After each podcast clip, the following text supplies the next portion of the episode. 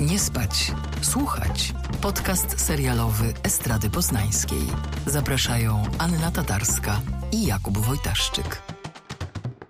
To jest y, podcast serialowy Nie spać, słuchać. 133 już y, odcinek y, i na początku Krystyna Czubowna mówi, że prowadzą go Anna Tatarska i Jakub Wojtaszczyk, ale dzisiaj nie do końca jest to prawda, ponieważ dzisiaj prowadzę go ja, Anna Tatarska, ale po drugiej stronie, przy drugim mikrofonie jest gość specjalny. Dobry wieczór.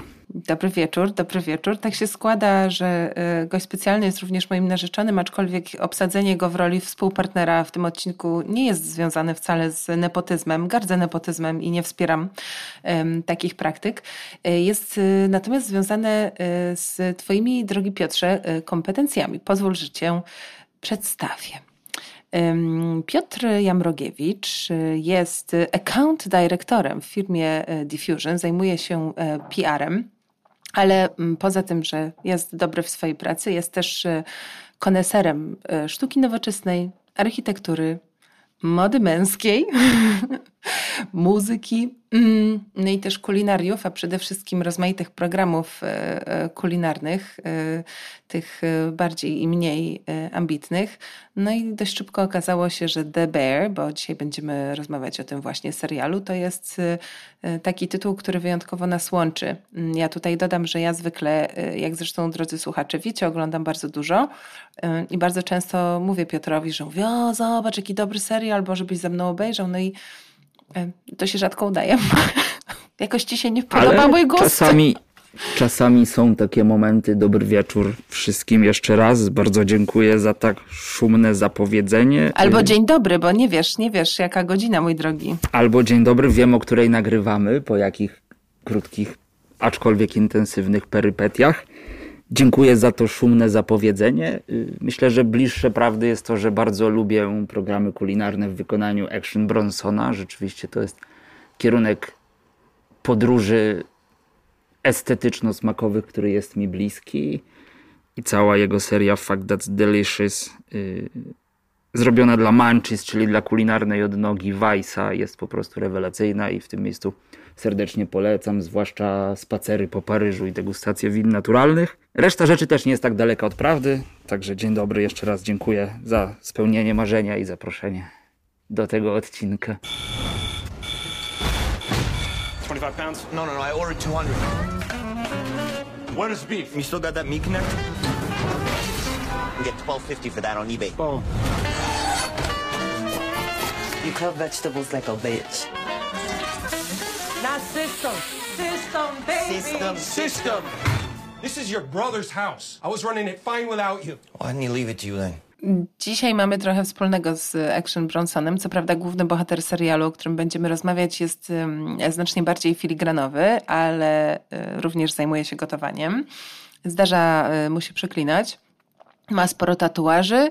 No, nie ma tam Paryża, jest, jest Chicago. Pozwól, że powiem parę słów o serialu The Bear, zanim, zanim sobie o nim podyskutujemy.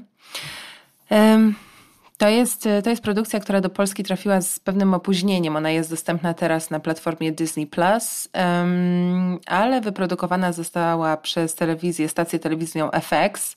Um, to jest stacja, której produkcje w Stanach często trafiają na Hulu i ona też odpowiada za wiele uznanych tytułów, takich jak między innymi Fargo, Atlanta, którą też lubisz, e, Devs, no i The Americans. No i The Bear to jest e, najnowszy hit e, FX. E, serial, który nie zapowiadał się na tak wielki hit, a jednocześnie teraz ma bardzo, bardzo, bardzo wysokie oceny na różnych portalach takich zbierających opinie zarówno profesjonalnych krytyków, jak i publiczności. No i też stał się pewnego rodzaju obiektem kultu. O tym za chwilę będziemy mm, rozmawiać. Dlaczego The Bear? Bo mm, Bear Niedźwiedź to jest y, ksywka, jaką nosi główny bohater serialu, Carmen Carmi e, Berzatto, e, który jest y, takim szefem kuchni koło trzydziestki. Chicago to jest jego rodzinne miasto, on tam wraca po wydawałoby się świetnym etapie w swoim życiu, bo mm, Karmi się wybił ponad y, standardy rodzinne, został szefem kuchni w niesamowicie uznanej e, gwiazdkowej restauracji, mm, dostał różne wyróżnienia branżowe dla najlepszego e, szefa tam sezonu czy, czy, czy roku. No wydawałoby się, że praca marzeń. Oczywiście um, okaże się, że nie do końca i że związany z tym stres y, no, sprawił, że miał ochotę zmienić, y, zmienić swoje życie. Ale tam za tą traumą, którą on, można powiedzieć, przywlókł z kuchennego frontu, e, kryje się jeszcze jedna taka domowa, z którą się trzeba na miejscu zderzyć, mm, ponieważ y, w Chicago od lat bar z hotdogami, z kanapkami E, prowadziła jego rodzina, ostatnio jego brat Michael. No i Michael e, jakiś czas temu zmarł, zginął śmiercią samobójczą. Um, więc Carmi wraca do domu, żeby prowadzić e, The Original Beef of Chicagoland, czyli taką właśnie włoską knajpę z, z kanapkami. No i zdarza się na miejscu nie tylko z zespołem, który wychowany przez Michaela do całkiem innych standardów, totalnie nie rozumie o co mu chodzi i jego wizja, że on przyjdzie i wszystko poprawi, e, zostanie przyjęta z otwartymi szeroko ramionami, trochę się zderza z rzeczywistością, która jest zgoła inna. No ale też e, duchy straszą trochę w tej knajpie. Mm, jakieś dziwne decyzje Michaela, jakieś dziwne układy, takie wręcz paramafijne. No taki niby mm, niby prosty punkt wyjścia, ale jednak coś w tym jest. Jak ty myślisz, y, dlaczego De Beers tak świetnie poradził, na czym polega jego charyzma? Chciałem zacząć mądrze, parafrazując Petera Greenawaya i w zasadzie opisując cały ten serial jednym zdaniem. Kucharz, jego brat, restauracja i pomidory w puszce. I ci z Was, którzy już widzieli serial, być może wiedzą, dlaczego te pomidory są tak istotne, bo mam wrażenie, że są taką klamrą otwierającą i zamykającą całe 8 odcinków pierwszego sezonu, a też chyba nie jest już tajemnicą, że został zapowiedziany drugi sezon, więc czekam z niecierpliwością. Natomiast wracając na moment do nazwy, jest to też o tyle fajne, że Chicago kojarzy mi się z kilkoma raperami. Wśród y, nich poza Chance'em the Rapperem jest oczywiście Kanye West i samo słowo beef, yy, słyszane, a nie zapisane, oznacza, nie mówiąc kolokwialnie, bo nie chciałbym zacząć od przeklinania, mieć z, kim na, z kimś na pieńku. Więc mam wrażenie, że ta atmosfera i to odium takich niepotrzebnych nerwów, yy, niewypowiedzianej niewyrażonej czynami przemocy towarzyszy nam od pierwszej sekundy. Ale to, co jest fajne, powiedziałeś, że Michael, czyli yy, brat Karmiego, który odebrał sobie życie, pozostawił restaurację, pozostawił całą ekipę z jakimś etosem pracy.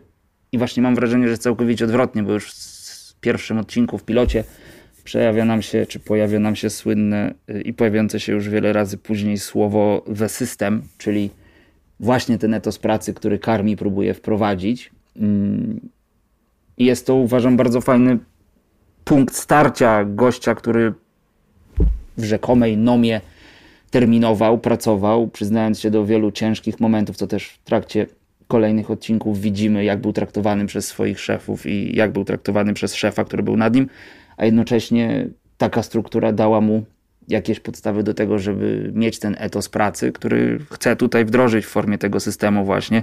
Z jednej strony jest to przyzwyczajenie do bardzo ciężkiej, bardzo trudnej pracy, z drugiej strony jest to ogromna doza szacunku, którą on darzy cały ten zespół.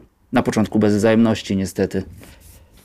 No dla mnie to było bardzo ciekawe, bo ten system, o którym mówimy, to jest system francuski, czyli taka, można powiedzieć, y, liniowa obsługa zamówień, gdzie każdy ma swoje stanowisko i wykonuje mm, jakieś określone zadanie i te zadania zebrane razem właśnie w pewną sekwencję, oczywiście pod kontrolą szefa, y, dają, dają pożądany efekt, ale też pozwalają bardziej panować nad tym, co się w kuchni dzieje. Mam wrażenie, że tutaj jest to pokazane o tyle ciekawie, że to nie jest tylko zdarzenie mm, takich rzeczywistości kuchennych, tylko jest to pewnego rodzaju metafora różnych napięć społecznych, szczególnie tych międzypokoleniowych, bo mm, Karmi to jest taki trochę, można powiedzieć, w filmie były takie kiedyś zdarzenia, taki młody Japi, chociaż on jest, on jest fajnym, takim dość wyluzowanym gościem, nie jest karierowiczem, no ale on przychodzi i jakby ma, ma nowe wartości, tak? Jest, jest świetnie wyszkolony, przychodzi z tego wielkiego świata, ma jakieś tam papiery, dyplomy, dokumenty. No właściwie um, powinni go tam, tak jak już mówiłam, przyjąć z e, otwartymi szeroko ramionami i po prostu pocałować e, w pierścień i w stopę i powiedzieć witaj, tutaj nap napraw nas, tak? Bo ewidentnie przecież tak najpa nie działa, ma problemy finansowe, mm, no i różne inne. Na pewno nie panuje tam, e, tam porządek, też, też ten mam, mam na myśli, który kontroluje Sanepid, e, ale okazuje się, że dla pracowników e, właśnie The Original Beef of, of Chicagoland, zresztą to jest fantastyczna grupa, świetnie obsadzona, o tym też za chwilę powiemy, mm, ta propozycja Karmiego, nawet jeśli stosunkowo empatycznie wysunięta, jest formą jakiejś takiej osobistej obrazy, tak jakby przyszedł gówniarz i im powiedział, dobra, ja wiem lepiej, ci ludzie są, część, niektórzy są starsi od niego e, i, i, i totalnie się nie mogą pogodzić z tym, że on ma jakąś, jakąś inną wizję, bo przecież oni od lat robili tak samo. No to wiesz, to jest ten, ten, tego typu starcie, które widzimy w polityce, na przykład w dyskusjach o problemach klimatycznych e, chociażby, czy ogólnie w tej mentalności, która stoi za powiedzeniem, za powiedzeniem dzieci ryby, głosu nie mają. I tym ciekawsze jest przyglądanie się temu, jak poszczególni pracownicy stopniowo E, się jakoś tak do Karmiego mm, przekonują. Tutaj chyba naj, najbardziej taką, naj, przechodzącą największą przemianę w relacji właśnie z Karmim i z jego potem prawą ręką, um, czyli z Sydney, w którą wciela się Ayo Edebiri, jest y, serialowa Tina. Tina w tej roli Liza Colon-Zayas. Mm, Tina jest taką hardą latynoską, która po prostu non-stop się e, naśmiewa z tych nowych wymysłów i, i, i, ma po prostu swoje sposoby, których się nie rusza. E, zresztą jak, e, jak Karmi proponuje, żeby teraz wszyscy do siebie mówili szef, jako wyraz szacunku, to ona mówi zawsze do niego Jeff. I to jest taki po prostu inner joke. Nigdy do końca nie wiemy, czy to jest kwestia jej akcentu, czy ona to robi specjalnie, bo po prostu jako Mam wrażenie, że Chyba specjalnie. Mam co? wrażenie, że zaczyna specjalnie, yy, dokładnie, zwraca się tak do wszystkich, natomiast yy, jeżeli pozwolisz, to nie zgodzę się z jedną rzeczą. Mam mm. wrażenie, że y, w Karmim nie ma nawet promila luzu. Mm. I już ta pierwsza scena z horrorem, yy, z koszmarem, przepraszam, który mu się śni i, i, i z tą zwierzęcą postacią, która się przewija przez cały serial, pokazuje, że ten plecaczek z demonami to nie jest tylko to, co wyniósł z domu i do czego wraca, ale to jest też mm, cały bagaż, który zbierał przez lata terminowania. Mm. I też kilka ujęć zbliżenia na dłonie, zbliżenia na pewne detale y, z tego, jak karmi się zachowuje, jak wygląda. Y, mi przynajmniej sugerują, że dzieje się tam bardzo dużo w głowie rzeczy, które są dalekie od spokoju.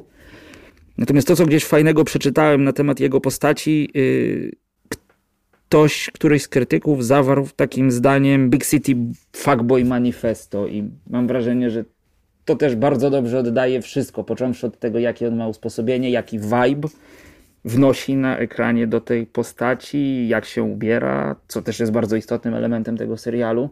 Mm -hmm. I y, gdzieś miałem przyjemność widzieć wielowątkowe dysputy na temat stylu Karmiego, poszczególnych elementów garderoby, które dobiera, którzy, które styliści czy stylistki w tym wypadku oczywiście mu zaproponowały, natomiast nie jest to dalekie od y, samego aktora, który oryginalnie z Nowego Jorku, ale mam wrażenie, że ten Chicago vibe też bardzo dobrze odtwarza na ekranie. Natomiast tak, y, konkludując, y, nie posądzałbym go o bycie wyluzowanym, raczej tak zwana spięta pupka. Natomiast rzeczywiście ma ogromne pokłady otwartości na tych ludzi, zrozumienia i pomimo tego, że być może z zamkniętymi oczami i bez pomocy byłby w stanie wyczarować lepsze dania, to nikogo nie traktuje z góry, poza jednym momentem, kiedy nerwy mu puszczają, ale też w przeprosinach dowiadujemy się, dlaczego tak do tego podszedł. A myślę i z tego, co słyszałem, praca w kuchni opiera się na tak skrajnych emocjach i w takiej otoczce nerwów, że no musimy to przyjąć z dobrodziejstwem inwentarza, że tak to wygląda po prostu w jego wykonaniu. To może powiedzmy trochę więcej o, mm, o załodze tej knajpy, bo to jest tak naprawdę główna obsada też serialu. To jest taki serial, można powiedzieć, pandemiczno-niskobudżetowy, to znaczy nakręcony właściwie w większości we wnętrzach, y, w teorii w jednym wnętrzu. Nie, przyznam, że ja nie wiem, czy on był rzeczywiście kręcony mm, w prawdziwym wnętrzu, czy w studiu. Na pewno sceny uliczne są w autentycznej, jakby w autentycznych lokacjach. Mm, natomiast no, tam nie ma fajerwerków takich y, scenograficznych, mimo że właśnie tak jak już wspomniałeś, mówiąc o kostiumach, ta przestrzeń mm, taka, mm, no nie wiem, techniczna jest bardzo, bardzo dopracowana po prostu. Tam nie ma nic, nic przypadkowego. Mamy Karmiego, tutaj e, też nie mówiliśmy jeszcze, że w, tej, w tę rolę wciela się e, Jeremy Allen White. No, to jest, to jest taka rola z gatunku, rola, która zmienia karierę. Powiedz mi, jaki to był ten tweet, który mi cytowałeś? Tak, muszę sobie sięgnąć, bo aż go zapisałem. I tak, Alex Zaragoza, niegdyś krytyczka teraz tego, co doczytam, chyba też współtworzy scenariusze, napisała I'm too scared to watch The Bear because I'm actively in therapy to stop falling in love with men who look like this. Opatrując tego tweeta zdjęciem Karmiego, oczywiście w białym t-shircie. Jak sprawdzałem wczoraj, czyli w poniedziałek 17 października, ten tweet miał ponad 40 tysięcy polubień, ponad półtora tysiąca udostępnień i, kilka tysięcy y, retweetów. Ale rzeczywiście jest coś, jest coś na rzeczy, bo y, Jeremy Allen White to jest taka postać, którą możemy kojarzyć już no, z, kilku, z kilku występów. Wydaje mi się, że przede wszystkim z serialu Shameless, ale na pewno nie miał na koncie mm, takiego hypu chyba, jaki właśnie towarzyszy The Bear. Pamiętam, że też e, e, zwierz e, popkulturalny pisała, że mm, to jest taki rodzaj ekranowej obecności, że jak się patrzysz na niego, jak on gra na ekranie, to wydaje ci się, że jest niesamowicie atrakcyjny, a potem mm, próbujesz wyszukać zdjęcie, które by oddawało twoje wrażenie i nie możesz znaleźć, ponieważ aktor tak na papierze, na sucho nie wpisuje się w jakiś tam hollywoodzki kanon, a rzeczywiście no, genialną rolę tutaj e, wykonał e, castingowiec i reżyser obsady, ponieważ na ekranie Alan White po prostu jest absolutnie magnetyczną osobowością, która ma w sobie zarówno jakąś taką delikatność, ale też determinację, ale też wściekłość. Mm, no i chyba też ten seksapil, który jest pewnie jakoś częściowo związany z modą, o czym już obiecałam, porozmawiamy za chwilę, ale to jeszcze moment. No ale tak, żeby pójść tym modowym tropem, to bardzo ciekawą postacią jest chyba Richie, czyli Richard y, Jerimowicz w tej roli Ibon Moss y, Backrack. Jak, jak ty go widzisz? Wiesz to pierwsza rzecz, o jakiej pomyślałem patrząc na Richiego, to jest Pete Davidson wannabe. Mm -hmm. a, a że oboje uwielbiamy SNL i wszystkie, może niekoniecznie te same postaci, natomiast niektóre skecze gdzieś tam myślę, że znajdujemy podobnie śmiesznymi, y, to mam wrażenie, że ten to chyba sama ukułaś ten termin, heroin, drug dealer look, towarzyszy mu przez wszystkie odcinki tego pierwszego sezonu. Jakie on Natomiast... ma brudne paznokcie? Dlaczego on ma takie brudne paznokcie? Wiesz co, ja myślę, że to już jest ten poziom, że nie doczyszczą, nie doczyści ich nawet pasta BHP i szczotka ryżowa. Y, plus chyba on się za bardzo tym nie przejmuje. Aczkolwiek wydaje mi się, że w jednym momencie jest scena, że on dłonie myje i wyciera, więc nie jest to tak, że całkowicie podchodzi. Może raz na miesiąc. Mhm. Być może tak, dokładnie. Y, no jak Sanak zbierze nową paczkę, otwiera, to musi mieć czyste dłonie, żeby być może, wiesz, z szacunkiem do medykamentów podejść. Natomiast pomimo tego, że są skrajnie różnymi postaciami na wielu płaszczyznach, to mam wrażenie, że to y, Hej Kuzynie bardzo dobrze oddaje ich relacje, bo Richie był najlepszym przyjacielem Michaela, czyli brata Karmiego i właściciela restauracji, który był też, tak mam wrażenie, mentorem dla obu chłopaków. Z jednej strony starszy brat, więc ta figura bardzo ważna, jeżeli nie najważniejsza w rodzinie, w zależności od tego, jakie relacje były z tatą. Ale nie wiem, czy zauważyłaś, że tam tata się w ogóle nie przejawia, bo o mamie troszkę wspominają, trochę o przepisie. Jest Sugar, czyli siostra obu chłopaków, mm, a, a tata się gdzieś nie pojawia, więc mam wrażenie, że Michael był tą figurą męską najważniejszą w domu. Y, no, co jest bardzo tragiczne, biorąc pod uwagę, że wraz z tym, jak serial się rozwija, możemy o tym mówić teraz, bo cały serial jest, y, zdaje się, już, y, już dostępny. Tak, tak już jest. E... Są wszystkie odcinki. No, nie chcę, jakby nie będę tutaj robić spoilerów i podawać jakichś konkretnych um, sytuacji, no ale powiedzmy, że um, relacja Karmiego z Michaelem była cokolwiek dwuznaczna i to jest trochę też historia o tym, że czasami kogoś idealizujemy, a potem przychodzi taki twardy reality check i że czasami jest bezpieczniej się odwrócić i uciec. I to zrobił właśnie Karmi, y, niż zostać i jakoś się konfrontować z tym, co tak strasznie nas na każdym kroku mm, rozczarowuje, prawda? Że Michael był trochę jak taki mit, który, który boleśnie upadł. Dokładnie też jestem tego samego zdania. Y, troszkę żałuję, że Michaela tak mało widzimy w retrospekcjach, mm, bo John, John Bentral, tak, jeżeli dobrze kojarzę, Robisz, który się Ty wcieli... zawsze mówisz tak samo źle i Kuba mówi tak samo źle. Bentral. Nie, to ry przed, przed tchy. tenże aktor, który wcielił tenże. się w rolę starszego brata Carmiego, czyli Michaela. Y, I tu oczywiście znowu się nie zgodzimy. Dla mnie wiecznie to już będzie The Punisher i człowiek, który mrozi y, widzów po pierwszych trzech sekundach na ekranie. Tak samo w tej krótkiej retrospekcji mam takie wrażenie, że mm, nawet jak stara się być miły, nawet jak zabawnie opowiada tę anegdotę, jak spędzali wieczór z Richim w towarzystwie Karmiego i siostry w kuchni, przygotowując danie na podstawie mamy przepisu i tu właśnie ten moment, o którym mówiłem, że jest ta postać matki gdzieś zarysowana w serialu, to mam wrażenie, że za chwilę wyciągnie y, spod stołu pistolet i zacznie grać w rosyjską ruletkę ze wszystkimi. Nie wiem, taki mrok jakiś towarzyszy tej postaci w moim odbiorze.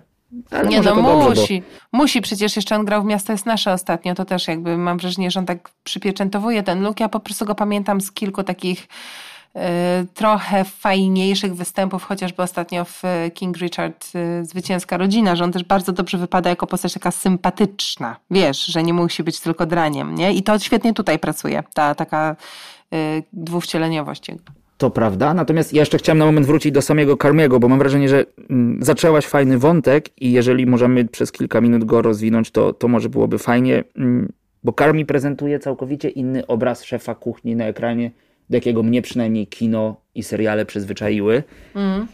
Bo jak sobie pomyślisz, amerykański film, amerykański serial o kuchni, yy, to chcemy czy nie chcemy, przed oczami staje Bradley Cooper, który się dwukrotnie wcielił w yy, rolę hardkorowego poniekąd szefa kuchni. Z jednej strony to był serial Kitchen Confidential, który, jak to u nas w kraju bywa, ktoś przetłumaczył zabawnie na Kill Grill.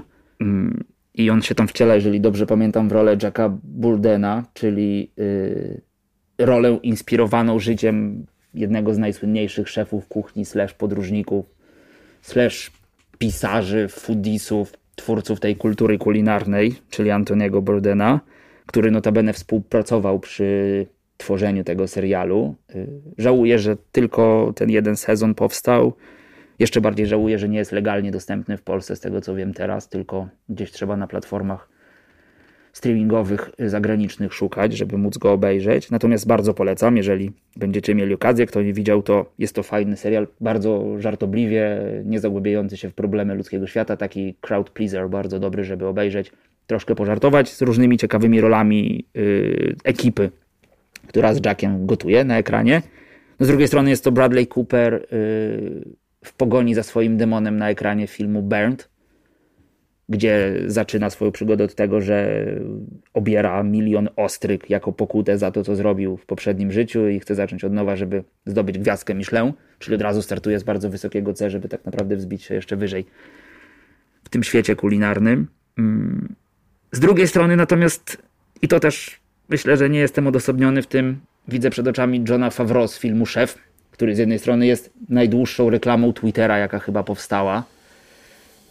Z drugiej strony jest takim miłym szefem kuchni, którego chcesz zaprosić, oddać mu swój nóż, nawet ten ulubiony, patelnię, deskę do krojenia, trochę warzyw, makaron i poprosić, żeby zrobił coś na szybko, nawet jeżeli to będzie za ostre, co w moim wypadku nie jest takie trudne do zjedzenia ale bardzo dobrze jest ta postać prowadzona przez cały film i jest trochę tego, co lubię, czyli relacja z synem, y, jest Sofia Vergara, prawda, na ekranie, która gra jego byłą żonę, y, która bardzo dobrze kontrastuje, podobnie jak w Modern Family, kontrastuje Ala Bandiego, tak tutaj kontrastuje tę taką mm, miękkość decyzyjną i brak konsekwencji życiowej Johna Favreau na ekranie.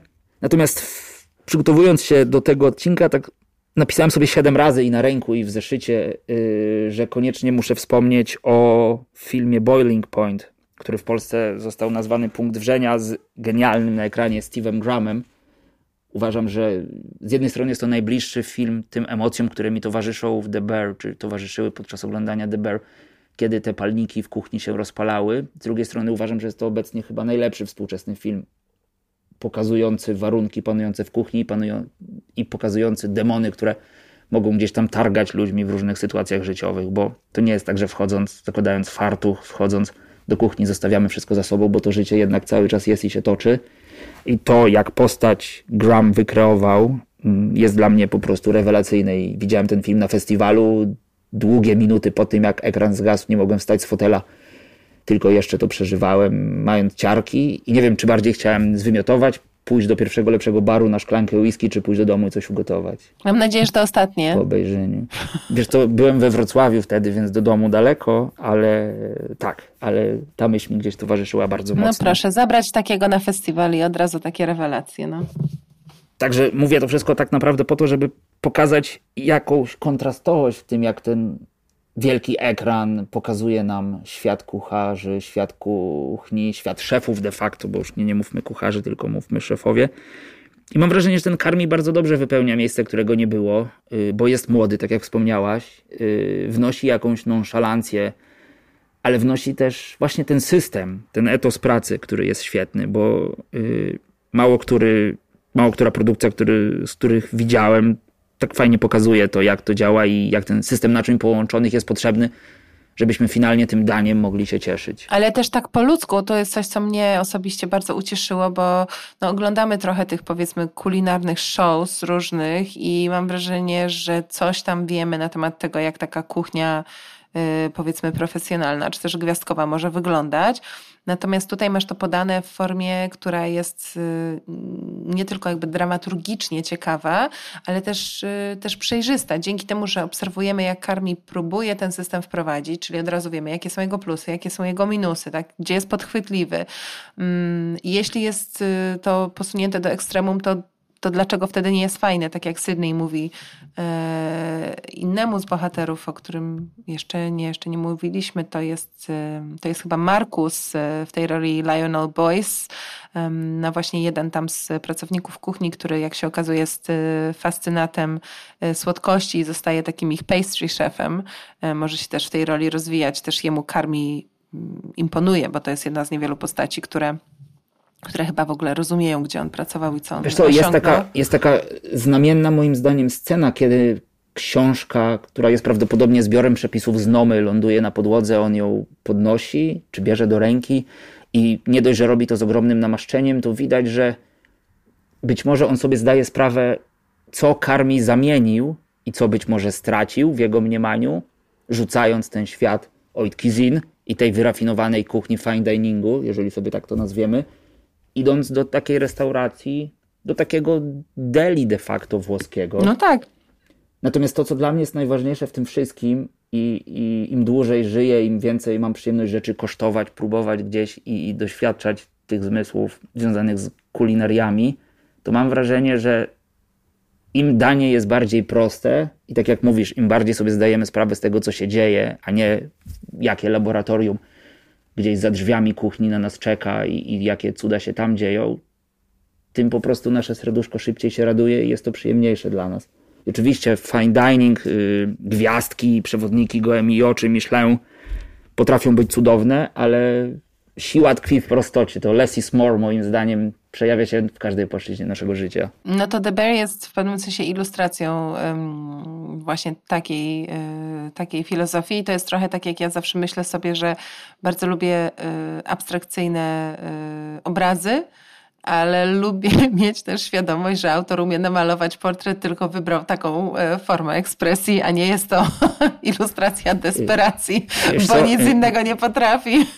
Nie wiem, czy znasz, ale moja narzeczona zawsze lubi powtarzać, że trzeba znać podstawy savoir-vivre, żeby móc położyć nogi na stole i wiedzieć, kiedy można to zrobić w towarzystwie. No patrz, jaka mądra kobieta, no. Mhm. Bardzo dobra ilustracja y, tego, o czym sobie rozmawiamy trochę. Ale cały ten wątek y, skręcił w tę stronę, dlatego, że ja chciałam powiedzieć o, o takiej, takiej scenie, kiedy y, Sydney mówi właśnie Markusowi, że bo Sydney jest jedną z dwóch i oprócz Karmiego jedyną osobą, która ma właśnie doświadczenie w, takiej, w takim klasycznym treningu kuchennym i pracy w tych takich no, wysoko mm, cenionych restauracjach, że przez, w jednej z restauracji przez 8 miesięcy wyłącznie kroiła cebulę, jeśli dobrze pamiętam. Czyli, że miała po prostu stację, która polegała na siekaniu konkretnego warzywa do konkretnego przepisu. No, wydaje mi się, że to fajnie pokazuje, że praca w kuchni czasami jest daleka od, y, od jakiegoś takiego poetyckiego ideału, który się kojarzy z kreacją, z tworzeniem, z, z jakimiś eksperymentami. Mm, tylko, że z jednej strony może być to skrajnie odtwórcze, jeśli ty jesteś wykonawcą, a mistrzem jest ktoś inny, ale jest w tym też jakaś forma przemocy. I tutaj mm, ten temat przemocy w kuchni, ale też przemocy w życiu też, y, też jest, jest poruszony. Y, I jakoś przy okazji tej misji właśnie mm, naprawiania, y, naprawiania knajpki, naprawiania The Original Beef of, of Chicagoland, mam wrażenie, że też ta przemoc, y, jest to podkreślone wyraźnie przez Karmiego, chociaż on przecież też ma charakterek, że tej przemocy nie będzie. I dla mnie to jakoś było takie ważne. No. Tak, ja mam wrażenie, że on wchodzi do tego środowiska trochę z sercem na dłoni natomiast nie naiwnie, bo y, wracamy cały czas do tego systemu, bo to o czym mówisz, y, Sydney też była takim trybikiem w tej maszynie. Tam gdzieś też w którymś odcinku, jak oni rozmawiają, pada coś o obieraniu cytryn i, i skórki z cytryny, o zestach tak zwanych.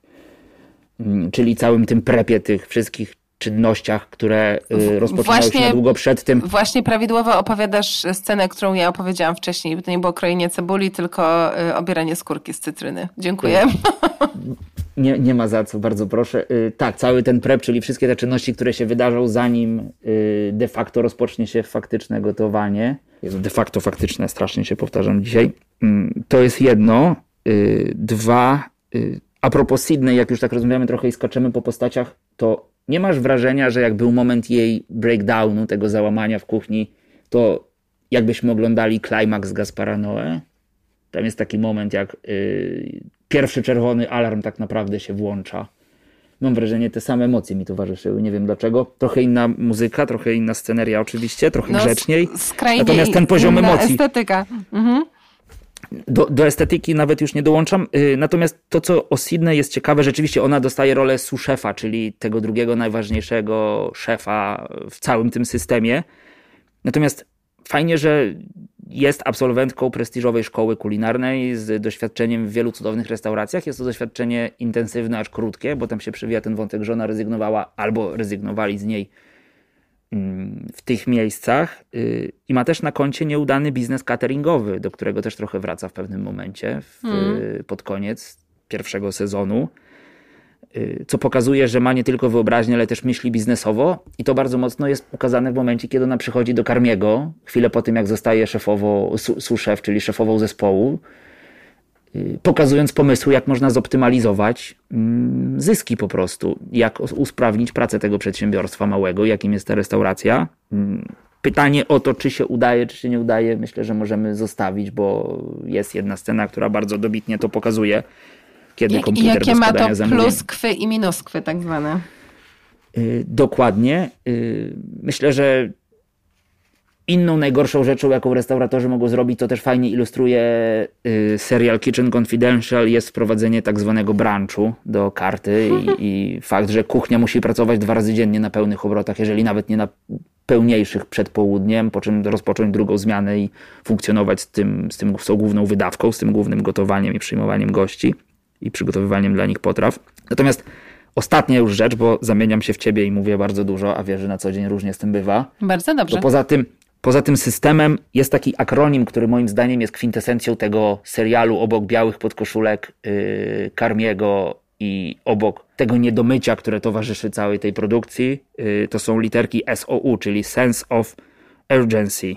Mhm. Yy, to jest akronim, który jest napisany na naklejce i pojawia się na szafce kuchennej, ale jest to też akronim, który Karmi ma wytatuowany. I mam wrażenie, że właśnie to serce na dłoni, ale jednocześnie brak naiwności, o którym wspomniałem, tłumaczy się tym, że on cały czas żyje w takim mm, poczuciu pilności, poczuciu tego tempa, jakiemu towarzyszy, jakie towarzyszy pracy w kuchni. Mhm. I stara się przełożyć to łącząc to wszystko z szacunkiem wyrażonym słowami jest szef, thank you szef, we szef, etc. Y, ale że jednak jest to kultura, yy, chciałbym powiedzieć słowo na Z i Olu skończyć, ale nie, nie wypada na antenie, ale tak, jest to taka praca po przysłowiowe 16 godzin, yy, zwieńczona obietnicą kanapki z marzeniami. Mhm.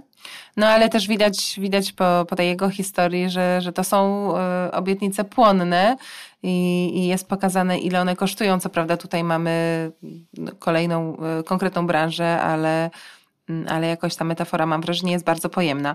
Y, wspomniałeś o tatuażu.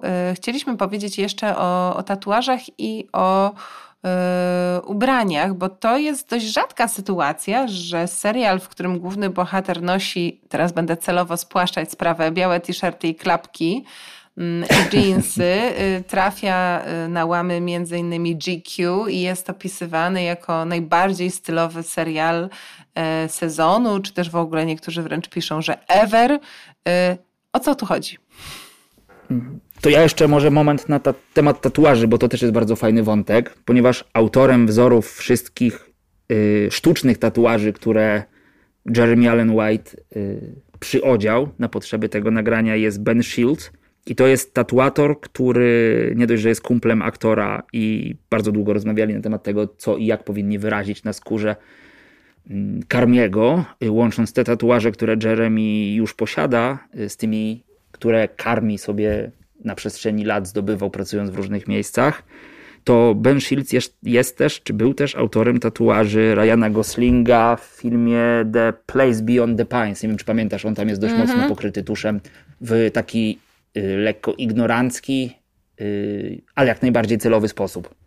Y, I gdzieś czytałem wywiad z Benem Shieldsem, on fajnie tam powiedział, że tatuaże w jego mniemaniu to są takie znaczki czasu, które odbijamy sobie na skórze, że niekoniecznie musi to być coś niesamowicie przemyślane i co do centymetra dopracowane, co gdzie powinno być, tylko tak jak idąc sobie przez życie zdobywamy różne doświadczenia, które do swojego plecaka wkładamy obok demonów, które nosimy, tak te tatuaże też są takim sygnałem, że tu i teraz coś się wydarzyło i fajnie byłoby to uwiecznić na skórze, wbijając sobie pod nią ten tusz właśnie.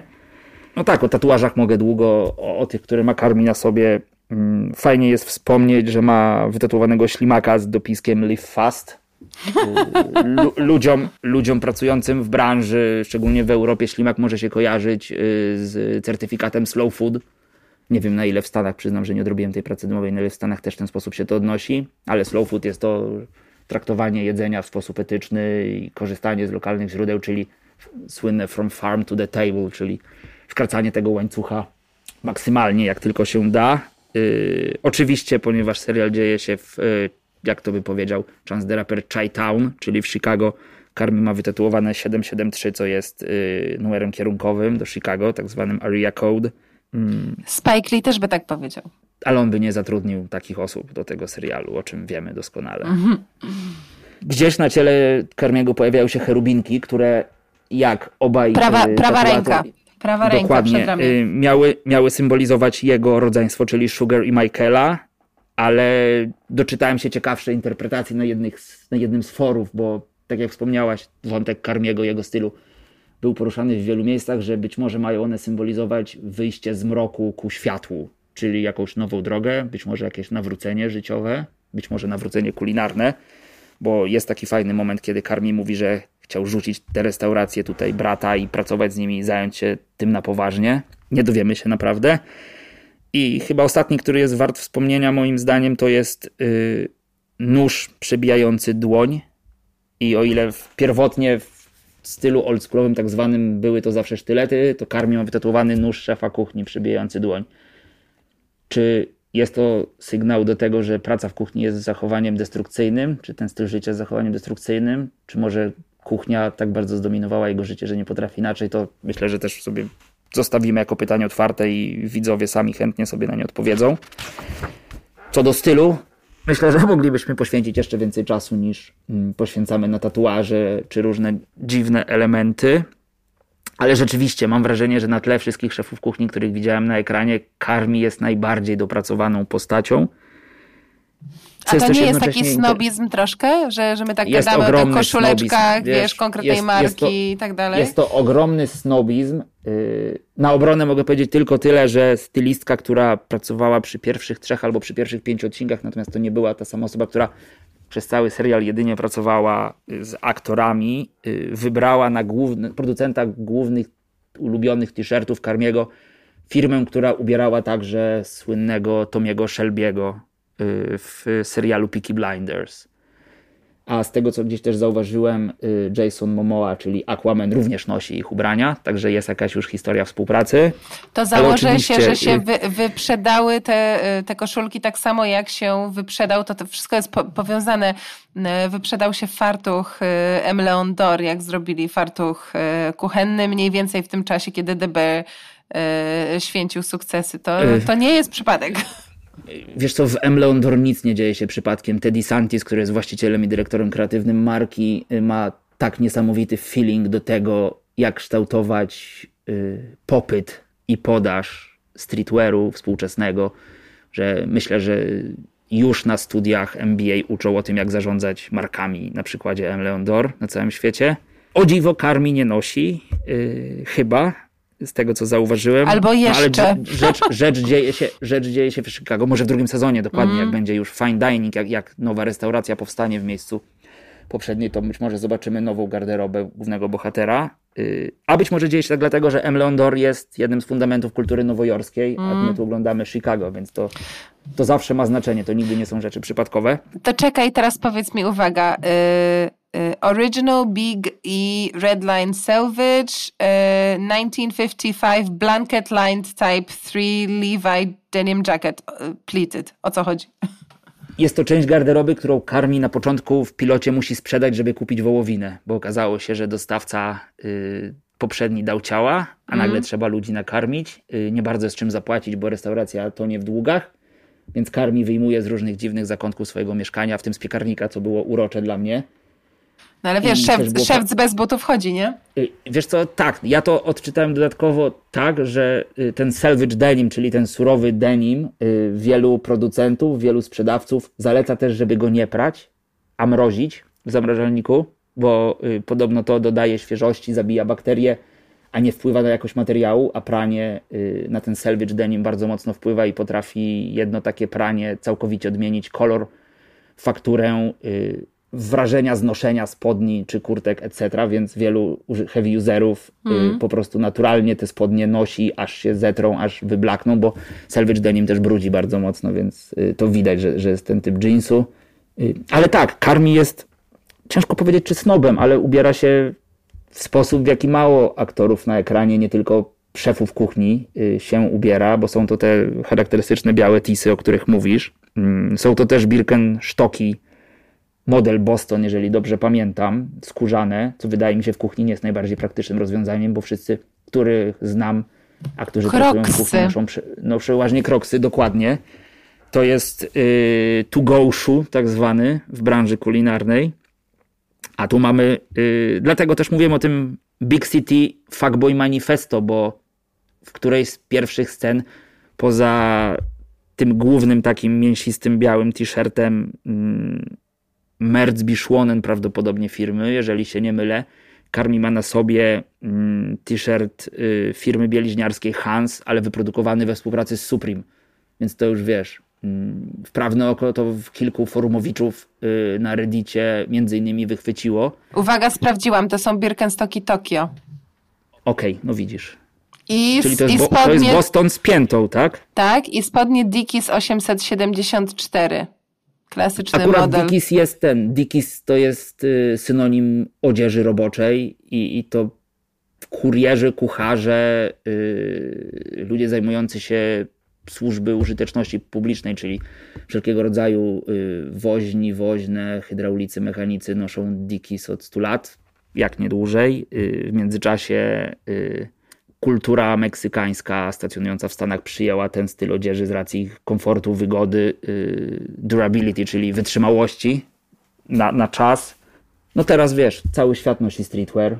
Mm, Kanye West wystąpił na którejś gali parę lat temu w kurtce Dickiesa czarnej, yy, przez to ta kurtka wyprzedała się momentalnie jak na pniu we wszystkich możliwych sklepach. Także rzeczywiście to się zmienia. Y, no Dickiesy są cholernie wygodne, nie mogę zaprzeczyć. Też mi się zdarza nosić. Potwierdzam.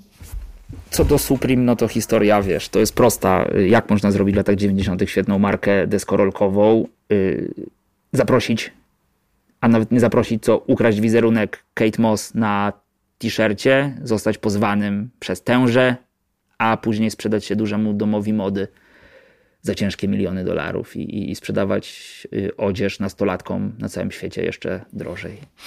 Wiesz co, myślę sobie, że mm, o modzie w sumie powiedzieliśmy sporo. Ja bym jeszcze ruszyła jeden temat, yy, może już ostatni, ale też nie wiem, czy czujesz, że to jest coś, co warto rozwinąć. Bo... Ja też mam jeszcze jeden, więc jeżeli się nie spotkamy, A. to też pozwolisz, że poruszę, bo jest to znając, dla mnie interesujące. To znając życie się nie spotkamy. Ja miałam na myśli gentryfikację. To ja miałem całkowicie inny, ale idźmy twoim tropem, bo myślę, że oba są Twój na pewno, a może i mój wydadzą się interesujące widzom. Ja nie mam tak naprawdę słuchaczom. za dużo do powiedzenia, ale zawsze doceniam to, jeśli, um, jeśli film czy serial jest osadzony w jakiejś przestrzeni i jest w niej osadzony autentycznie. Mm, jakiś czas temu mm, pisałam coś tam o mm, Davidzie O. Russellu i pewnie jego filmom można wiele zarzucić. Niektóre lubię bardziej, niektóre lubię mniej, niektóre są bardziej, niektóre są mniej udane, ale jest to twórca, który potrafi wycisnąć coś takiego niesamowicie autentycznego, co pracuje na rzecz filmu z przestrzeni, w której robi, tak jak w jednym z filmów, na przykład z Filadelfii. I tutaj mam wrażenie, jest tak zrobione z Chicago, że to nie jest jakieś tam po prostu mm, pretekstowe tło y, dla akcji, tylko że rzeczywiście dużo się o tym mieście dowiadujemy, y, o jego dynamice, o jego tempie, o jego bardzo różnych zależnościach, no też trochę o świadku takim paramafijnym mm, ze względu na, na, na różne konotacje e, Michaela i Richiego. E, ale też właśnie bardzo subtelnie ta, ta, ta historia knajpy jest też trochę historią mm, gentryfikacji, tak? I tego, jak y, w Polsce mówimy, że znikają małe osiedlowe sklepy, mm, a tutaj w pewnym sensie oglądamy być może historię znikania małego rodzinnego biznesu, który dostaje niespodziewanie ostatnią szansę, żeby się jakoś odrodzić, ale musi się w tym celu wymyślić trochę na nowo. Mm, dlatego, że nawet, y, nawet popularność miejsc, które bazują na jakiejś takiej nostalgii, tęsknocie za dawnymi czasami też jest modą, a ta mija. Y, więc to mi się wydało ciekawe. Gdzieś, Jeżeli wiesz, dobrze mm. pamiętam, pod koniec tego pierwszego sezonu nawet jest taka wymiana zdań, Y, jednego z kolegów Richiego, kuzyna Richiego, y, z tym, że na ulicy, że jakieś lokale się już wyprzedają, mhm. że już deweloper wchodzi. No tak, budują w y, okolicy, nie? Zabudowują im. Na, na dzielnię, mhm. mówiąc kolokwialnie. Mm, ten Chicago vibe jest fajny, natomiast to, czego mi brakuje w tym serialu i może to jest ten moment, że o tym wspomnę, to, że mam wrażenie, że ślizgamy się po powierzchni kilku wątków i po angielsku czy po amerykańsku dużo łatwiej jest to określić właśnie tym słowem vibe, bo mamy taki Chicago vibe, mamy taki Big City Boys yy, vibe, mamy taki Kitchen Confidential vibe, yy, Tony Soprano wannabe vibe w postaci yy, chyba Oliver Platt gra tego Jimmy'ego Cicero, czyli yy, przyjaciela i wroga rodziny jednocześnie mam wrażenie. Też fantastyczna postać. Dodajmy, mam, że, mam nadzieję, że... Dodajmy, że to jest taki przyjaciel w cudzysłowie Michaela, który mu pożyczył bardzo dużo pieniędzy i my nie do końca rozumiemy, dlaczego on mu pożyczył aż tyle pieniędzy, ale te pieniądze przez cały pierwszy sezon grywają bardzo dużą rolę, no bo restauracja jest na skraju tak. przetrwania. I bohaterowie też muszą je odpracowywać w różny dziwny sposób, a to przygotowując hot dogi na imprezie urodzinowej syna Jimmy'ego Cicero, a to y, organizując wieczór kawalerski, co kończy się bardzo źle, niemalże tragicznie w pewnym momencie. Natomiast mam wrażenie, jego postać bardzo mi się podoba i zwłaszcza jego relacja z Richim, bo y, do Karmiego ma ogrom sympatii, być może nawet szacunku i, i miłości jakiejś takiej trochę ojcowskiej nawet chyba. I, i, I, to jest ta jedyna figura quasi ojca, którą mam wrażenie oglądamy na ekranie i jakiejś relacji y, Karmiego z kimś z poziomu jego rodziców, czy z pokolenia jego rodziców. Z drugiej strony, patrząc na, na tę postać, mam wrażenie, jakbym oglądał y, Tonego Soprano pijącego kawę bezkofeinową. Jest jakiś taki niewyrażony trochę do końca. Mam nadzieję, że to się rozwinie, jak dowie się, że nagle mm, no właśnie, nagle kończy się pierwszy sezon, jak się kończy, gdzieś tam y, ten garnek ze złotem na końcu tęczy bohaterowie znajdują, y, co jest obietnicą być może interesującego sezonu drugiego. Gentryfikacja jest smutna w ten sposób pokazana trochę, bo tak jak mówisz, y, family business gdzieś odchodzi w odstawkę. Y, jak wejdzie nowa restauracja, wejdzie taka karta, to na pewno wejdą nowe ceny i być może stali klienci, którzy odwiedzali ten lokal po tę kanapkę z wołowiną już po prostu nie będą mogli się pojawić, bo nie zrobią dwóch kart z dwoma cenami, bo to też będzie nierentowne i nielogiczne i niemożliwe do zrealizowania na tak małej przestrzeni jednej kuchni. No, jestem ciekaw, jak to się rozwinie bardzo. Y, serial jest w miarę aktualny gospodarczo. To, co dzieje się na świecie, doskonale wiemy, w którym kierunku to zmierza. Stany Zjednoczone już dawno nie są y, tym land of the free i promised land, tylko też różne zawirowania szargają i tym kontynentem, i tym krajem. Mm, więc czy zostanie to bardziej włączone? Myślę, że tak, bo Chicago też nie jest takim miastem y, luksusu i sukcesu. No, nie jest to bezpieczna banieczka, zdecydowanie. Y, nie bez powodu powstał parę lat temu, nie wiem czy widziałaś, taki, y, to chyba nawet musical Chirac z Samuelem L. Jacksonem. No przecież to właśnie Spike Lee. O, dokładnie, dziękuję. Gdzie ta przemoc i wojny gangów są bardzo mocno pokazane. Oczywiście, jak to u Spike Lee, minimalnie podkoloryzowane, y, natomiast to się dzieje. To, to, to przez poziom przestępczości jest ogromny. Ale jeżeli jeszcze mamy trzy minuty, to ja chciałbym o tym swoim wątku, jeżeli pozwolisz, wspomnieć. -hmm. Bo na ekranie przez wszystkie odcinki oglądamy prawdziwego szefa kuchni, który był też notabene zaangażowany w produkcję serialu. Mm, jest to Neil Fat, Fuck, Fat, Fuck. Jest to pan Złota Rączka, który naprawia automaty do gier. Tak, tak, Prywatnie tak. Matty Matson, y, który w ogóle jest mistrzem w przyrządzaniu kanapek. Tak go poznałem kiedyś przypadkiem na YouTube. Mm, również tak jak Action Bronson przygotowywał program dla Munchies, właśnie robiąc kanapki między innymi. Też ma ten sam y, white trash tattooed boy y, vibe na ekranie. Może trochę mniej przeklina i nie daje koncertów jak Action. Tym niemniej ogląda się go bardzo ciekawie i rzeczywiście on ma pojęcie o gotowaniu i mam wrażenie, że oglądając to, jak oni przygotowują mięso na te kanapki, jak to pieczywo powstaje, jak te kanapki powstają finalnie, to trochę jakbym oglądał te programy Matiego. On jest to prawda bardziej wesoły, tej, tej wesołości, tej, tej, tej radości na ekranie troszkę mi zabrakło momentami, ale też akcja, która się dzieje i losy bohaterów być może nie do końca podpowiadają, że powinniśmy się cieszyć i śmiać razem z nimi. Yy, I ostatnia już rzecz a propos tego Matiego, to co bardzo mnie rozbawiło wręcz i zaintrygowało, to jest taki moment, kiedy on proponuje Richiemu, że może by się zatrudnił w restauracji, więc Richie czując się niejako szefem tego miejsca, nietytułowanym oficjalnie zaczyna z nim prowadzić rozmowę rekrutacyjną i pada tam takie zdanie, yy, Mati mówi, że nie zabijaj mojej pewności, nie zabijaj mojej, yy, mojej chęci pracy tutaj yy, i tego, że jestem skory, żeby rozpocząć tę karierę z wami w ten sposób. I to w oryginale po angielsku brzmi niemalże identycznie jak Bitch Don't Kill My Vibe Kendricka Lamara. To był taki uroczy ukłon, bo w ogóle o muzyce w serialu jeszcze nie porozmawialiśmy, nie wiem czy zdążymy, ale to też jest bardzo ciekawy wątek. I soundtrack jest składanką ciekawych rzeczy od y, Pearl Jamu, bo w tym momencie oczywiście zapomniałem, jak się nazywa wokalista Pearl Jamu, ale urodził się w Chicago. Eddie Vedder. Dziękuję.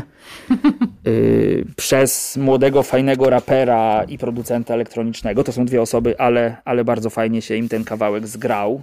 Y, po klasyki jazzowe, bo Chicago wydało wielu fajnych jazzmenów na świat i ten gatunek również jest ważny.